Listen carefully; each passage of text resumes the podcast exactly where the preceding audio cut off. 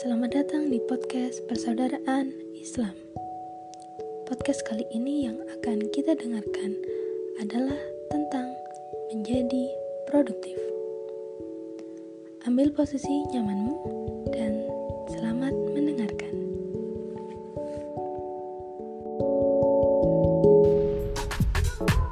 Semua orang ingin menjadi produktif, tapi tidak semua orang tahu bagaimana memulainya. Ditambah lagi banyaknya rintangan yang menghalangi untuk menjadi produktif. Nah, gimana ya caranya menjadi produktif? Oke, tadi kalau kita udah ngobrolin tentang ada empat pembagian waktu supaya efektif, terus kita juga ngobrolin tentang clock time versus real time. Tapi ini punya masalah juga nih soal kebiasaan orang Indonesia nih, Ji, yaitu suka menunda. Ujung-ujungnya adalah kita terbiasa untuk melakukan SKS, sistem kebut semalam. Ini berlaku buat mungkin anak-anak kuliahan yang lagi ngerjain tugas, buat para karyawan. Ada juga teman-teman gue yang seperti itu. Deadline-nya kapan? Masih dua minggu, tapi dikerjain selalu sehari sebelumnya. Teman-teman lo atau lo nih termasuk. Em, ada trik nggak supaya kita nggak jadi yang seperti itu, supaya kita nggak selalu mepet, eh, kita bisa lebih eh, awal mengerjakan supaya manajemen kita juga bagus untuk waktu kita. Hmm, Oke, ini emang problem yang common banget sih ya. Tapi eh, susah untuk dipungkiri bahwa emang ada, kayaknya tuh emang ada eh, efek-efek yang berasal dari the power of kepepet gitu. power of kepepet. Begitu kepepet malah jadi. Tapi kalau misalnya kita coba pikir-pikir lagi, bayangin aja misalnya kayak anak kuliah deh ngerjain skripsi atau ngerjain tesis. Kepepet aja jadi, kepepet aja misalnya nilainya B plus gitu. Gimana Iya. kalau nggak kepepet gitu? Pasti hasilnya akan lebih maksimal lagi. Oke. Gitu aja. Sekarang balik lagi gimana kita mau dapetin satu hal.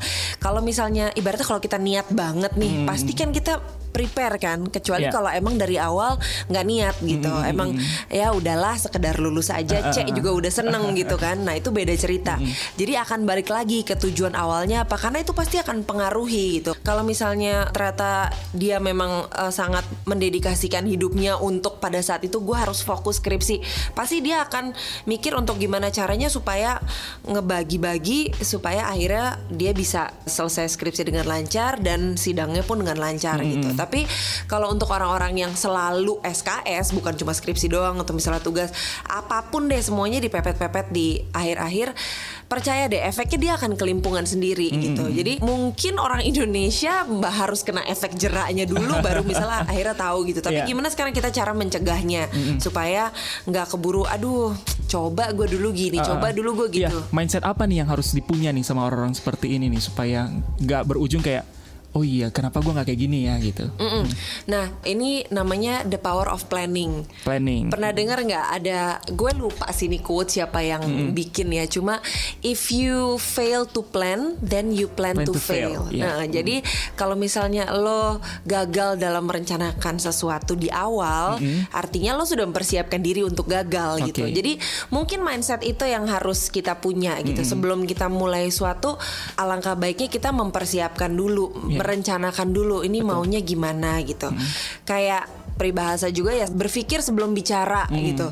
Think before you speak atau sekarang Google before you tweet gitu. Jadi semuanya tuh juga itu kan dipikir direncanain, gitu direncanain. loh. Kalau misalnya kita asal nyeplos aja, kita nggak tahu efeknya efek bumerang apa yang negatif bisa datang ke kita gitu. Sama juga dengan kegiatan kita hari-hari apalagi yang menyangkut dengan rencana jangka panjang gitu. Misalnya apalagi kan this is about our life gitu. Iya. Kan kita mau dong hidup kita nih selain fun tapi juga ya bermanfaat buat kita. Kita mau bermanfaat orang banyak seperti tadi Sandi bilang, manusia tuh banyak maunya juga pengen ini, pengen itu gitu. Nah, sekarang gimana caranya supaya yang banyak maunya ini bisa kesampaian pelan-pelan satu persatu tanpa harus membuat kepengenan yang lain tuh ada yang dikorbankan Iya. gitu. Nah itu kalau cuman satu hal yang kita kejar, misalnya kita punya satu kerjaan yang harus diselesaikan. Masalahnya adalah nggak seperti itu kadang. Sering adalah hal-hal yang penting datang bersamaan nih. Hal-hal yang urgent harus dikerjakan bersamaan. Gimana cara kita mengatur supaya semuanya berjalan dengan lancar dan semuanya tepat waktu? Nah, kadang eh, hal yang penting datang bersamaan itu menurut kita aja gitu. Ya kita udah panik duluan gitu. Aduh, harus ngerjain A, ngerjain B, ngerjain C. Tapi ternyata kalau dilihat-lihat lagi, balik lagi ke skala prioritas. Ada Iya. prioritas yang ternyata ini urgent kalau misalnya bisa kita bagi-bagi gitu ya jadi kuadran-kuadran kuadran itu bisa kebagi jadi empat Oke. jadi which is kuadrannya adalah urgent and important urgent but not important not urgent but important sama not urgent dan not important. Oke. Nah, kalau misalnya kita ngerasa di titik, aduh kayaknya banyak banget nih yang harus gue kerjain, harus gue selesaiin. Coba kita list dulu semuanya itu apa aja. Karena kadang-kadang bawaannya udah panik, akhirnya jadi nggak ngerjain apa-apa. Terlalu overwhelmed gitu sama semuanya, ngerasa aduh kok banyak banget. Akhirnya ngeluh dan akhirnya nggak ngerjain apa-apa. Which is itu nggak membuat perubahan apa-apa jadinya. Kalau misalnya kita coba breakdown, kita list sebetulnya apa aja sih yang harus kita kerjain, coba deh gitu. Dan deadline-deadline-nya kita masukin ke kuadran-kuadran itu. Kalau misalnya ternyata emang ada kerjaan, ada satu task yang ternyata not urgent dan not important gitu. Ya udah, kenapa harus dimasukin? Iya, itu itu yang dibuang pertama gitu.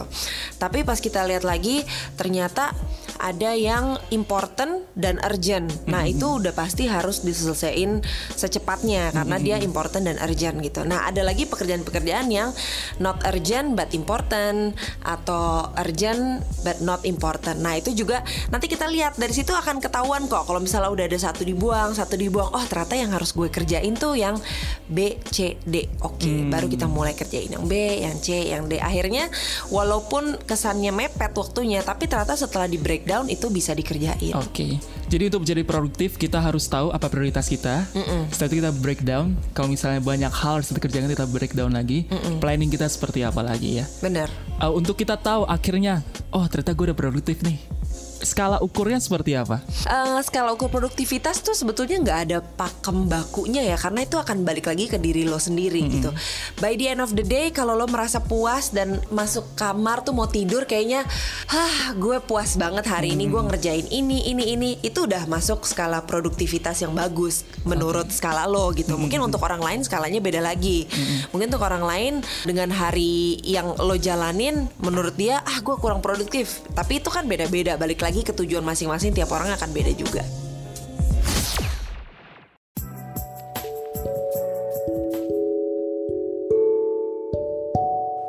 Terima kasih telah mendengarkan podcast ini. Semoga menginspirasi dan sampai jumpa di podcast selanjutnya.